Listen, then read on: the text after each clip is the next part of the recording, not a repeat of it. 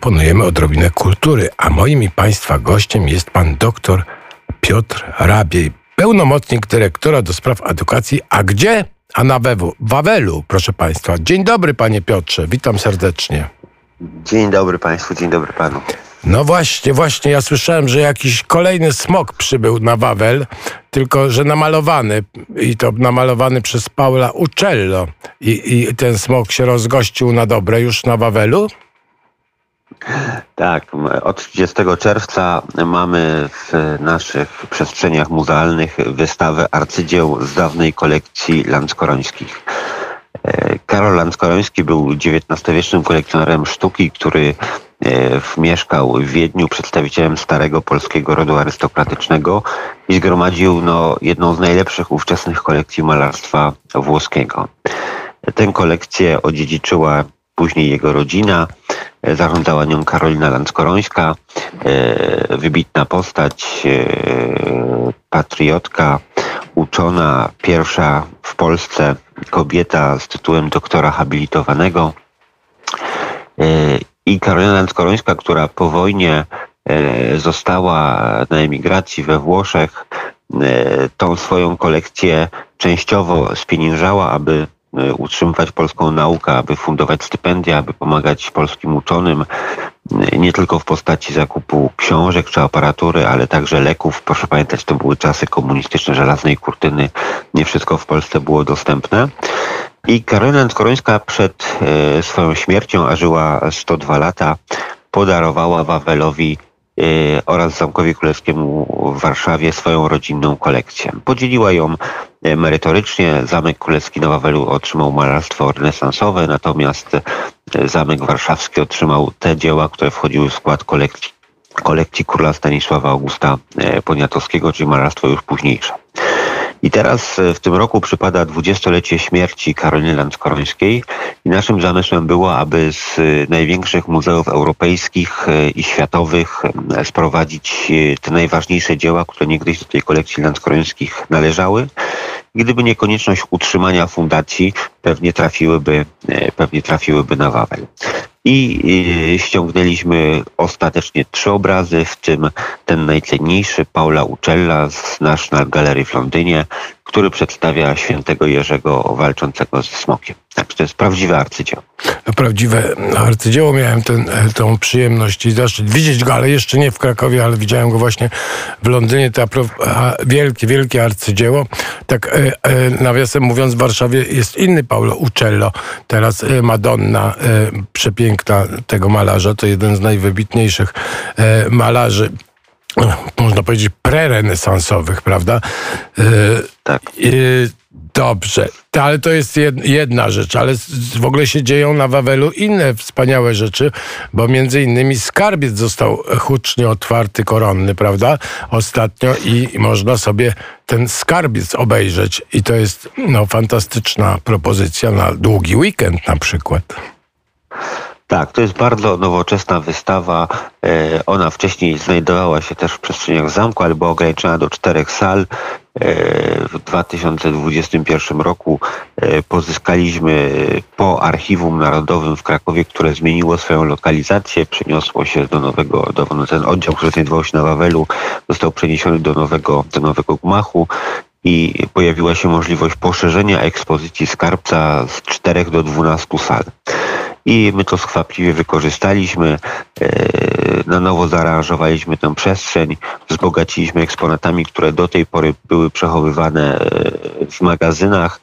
E, są to przede wszystkim pamiątki po polskich władcach, oznaki trofea, trofea, oznaki zwycięstw, chorągwie, uzbrojenie, oczywiście jak w skarbcu biżuteria, zastawy, naczynia stołowe, pięknej, nowoczesnej aranżacji. E, no niestety nie mamy insygniów e, koronacyjnych. Te zostały zrabowane przez Prusaków pod koniec XVIII wieku i, i przetopione. Jedynym takim cymelium czy, czy, czy rzeczą, która pozostała z, tych, z tego zespołu insygniów królewskich, którymi król był koronowany, które były symbolami władzy i państwa, jest miecz koronacyjny królów polskich, czyli szczerbiec, który jest eksponowany specjalnie w ostatniej, w ostatniej sali tej wystawy poświęconej właśnie temu zabytkowi. Trzymał pan w łapce szczerbca? No powiem tak, że trzymałem. A, no to, to, to, zaz, to zazdroszczę bardzo serdecznie. E, e, a teraz jeszcze chciałem, bo kończy się też wystawa Wyczółkowski odnaleziony, jak się nie mylę, prawda? E, na, na Wawelu też to są ostatnie dni, bo to takie, takie są prace, które nie mogą wisieć długo z racji, e, z różnych względów, choćby takich, żeby się tak. nie niszczyły. Do końca przyszłego tygodnia jest jeszcze, będzie otwarta ekspozycja Wyczółkowski odnaleziony. To też jest ciekawa historia, bo z pewnością większość Państwa nie kojarzy e, Leona Wyczółkowskiego z Zamkiem Królewskim na Wawelu. E, ten młodopolski artysta jednak był zafascynowany Wawelem, wykonał wiele rysunków i wiele szkiców e, przedstawiających zamek, zamek wawelski.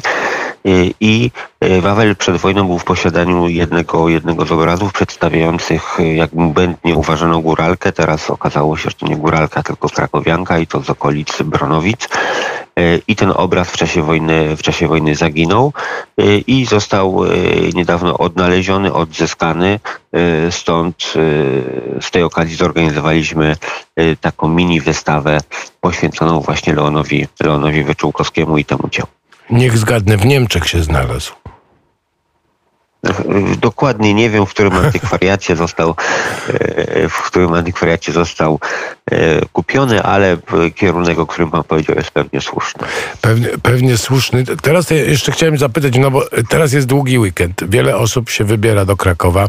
Jak jest w ogóle z biletami? E, czy trzeba wcześniej na przykład zamawiać wejście? No jest szczyt sezonu turystycznego. Wszyscy walą na Wawel, ale też, żeby się, że tak powiem, nie pocałować klamki. Co robić, żeby nie pocałować klamki na Wawelu? My się bardzo cieszymy, że po okresie pandemii, po okresie, po okresie obaw związanych z wojną mamy, e, mamy, mamy turystów. E, po, ja rekomendowałbym kupienie biletu online e, na naszej stronie. Część, pewna pula biletów, około 30% jest sprzedaży online. E, więc tak jest najbezpieczniej się przygotować do wizyty na Wawelu. Natomiast jeżeli ktoś z Państwa chciałby kupować bilet już bezpośrednio w jednej z kilku kas, e, to najlepiej jest to robić e, o poranku, czyli od godziny 9, 9.30 tak kasy są czynne, no bo później napływ tych turystów jest bardzo duży i można nie wejść akurat na godzinę, na którą się zaplanowało. No my niestety z, z tego względu, że Wawel nie jest jakąś wielką przestrzenią, tu mamy te ograniczenia tych sal gotyckich czy renesansowych, które niektóre nie są duże. My mamy pewne limity konserwatorskie, więc nie możemy wpuszczać tylu gości, ilu byśmy chcieli. Stąd jest ruch na, na, na godziny, czyli turysta przychodzi i zamawia sobie bilet na daną godzinę, tak żeby nie musiał czekać i wchodzi na ekspozycję. Także za, zapraszam tutaj przezornie jest kupić wcześniej online. E, dobrze. Teraz ostatnie pytanie, bo już powoli musimy kończyć. Czas na zgonie. Chciałem się zapytać, jak się czuje smog wawelski? No, smok wawelski to jest e, taka postać, której nam tak naprawdę brakuje, bo on budzi, budzi wyobraźnię, e, przyciąga turystów, jest taką ikoną, ikoną Krakowa. E, kiedyś rozmawialiśmy z ludźmi z Google i oni nam powiedzieli, że to jest najczęściej wyszukiwana fraza w powiązaniu z Krakowem, czyli ten dragon. Natomiast smok wawelski, który jest którego wyobraża rzeźba Bronisława Chromego umieszczona na bulwarach wiślanych przed wyjściem ze Smoczej Jamy, obchodzi w tym roku 50. urodziny, bo Bronisław Chromy dokładnie 50 lat temu tę rzeźbę e, tę rzeźbę wykonał i też w tej okazji, aby uczcić artystę, zorganizowaliśmy w ogrodach e, wawelskich, w ogrodach królewskich wystawę rzeźb Bronisława, Bronisława Chromego. E, także ten smog zawsze na tym Wawelu jest obecny. Ja sobie jeszcze tylko pozwolę powiedzieć jedną, jedną rzecz, jeśli mogę. E, mianowicie my w przyszłym tygodniu otwieramy wspaniałą wystawę.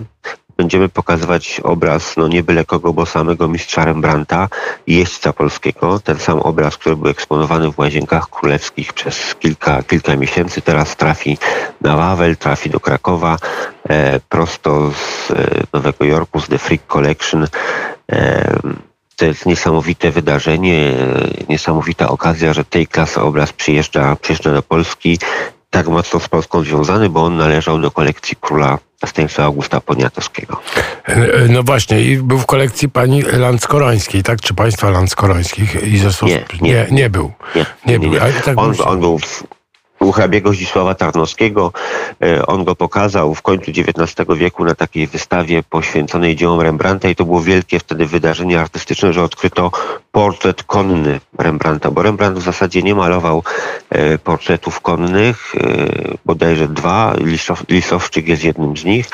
I, i wtedy to było ogromne wydarzenie, że taki obraz się w ogóle jest w prywatnych rękach, a następnie w 1910 roku Tarnowscy sprzedali go e, Frickowi do Nowego Jorku. To są te czasy, kiedy amerykańscy mm, biznesmeni e, czy też filantropii dysponującymi ogromnie, dysponujący ogromnymi pieniędzmi e, kupują w Europie różne dzieła sztuki i, i, i to jest ten moment, kiedy ten obraz płynie za, za ocean. E, No jeszcze mam wiele pytań, ale muszę kończyć. Dziękuję panu bardzo. Moim państwa gościem był pan Piotr Rabiej z, z Zamku Królewskiego na Wawelu. Pozdrawiamy bardzo serdecznie drugą stolicę Polski. Kłaniam się. Serdecznie dziękuję bardzo, do widzenia. Dziękuję.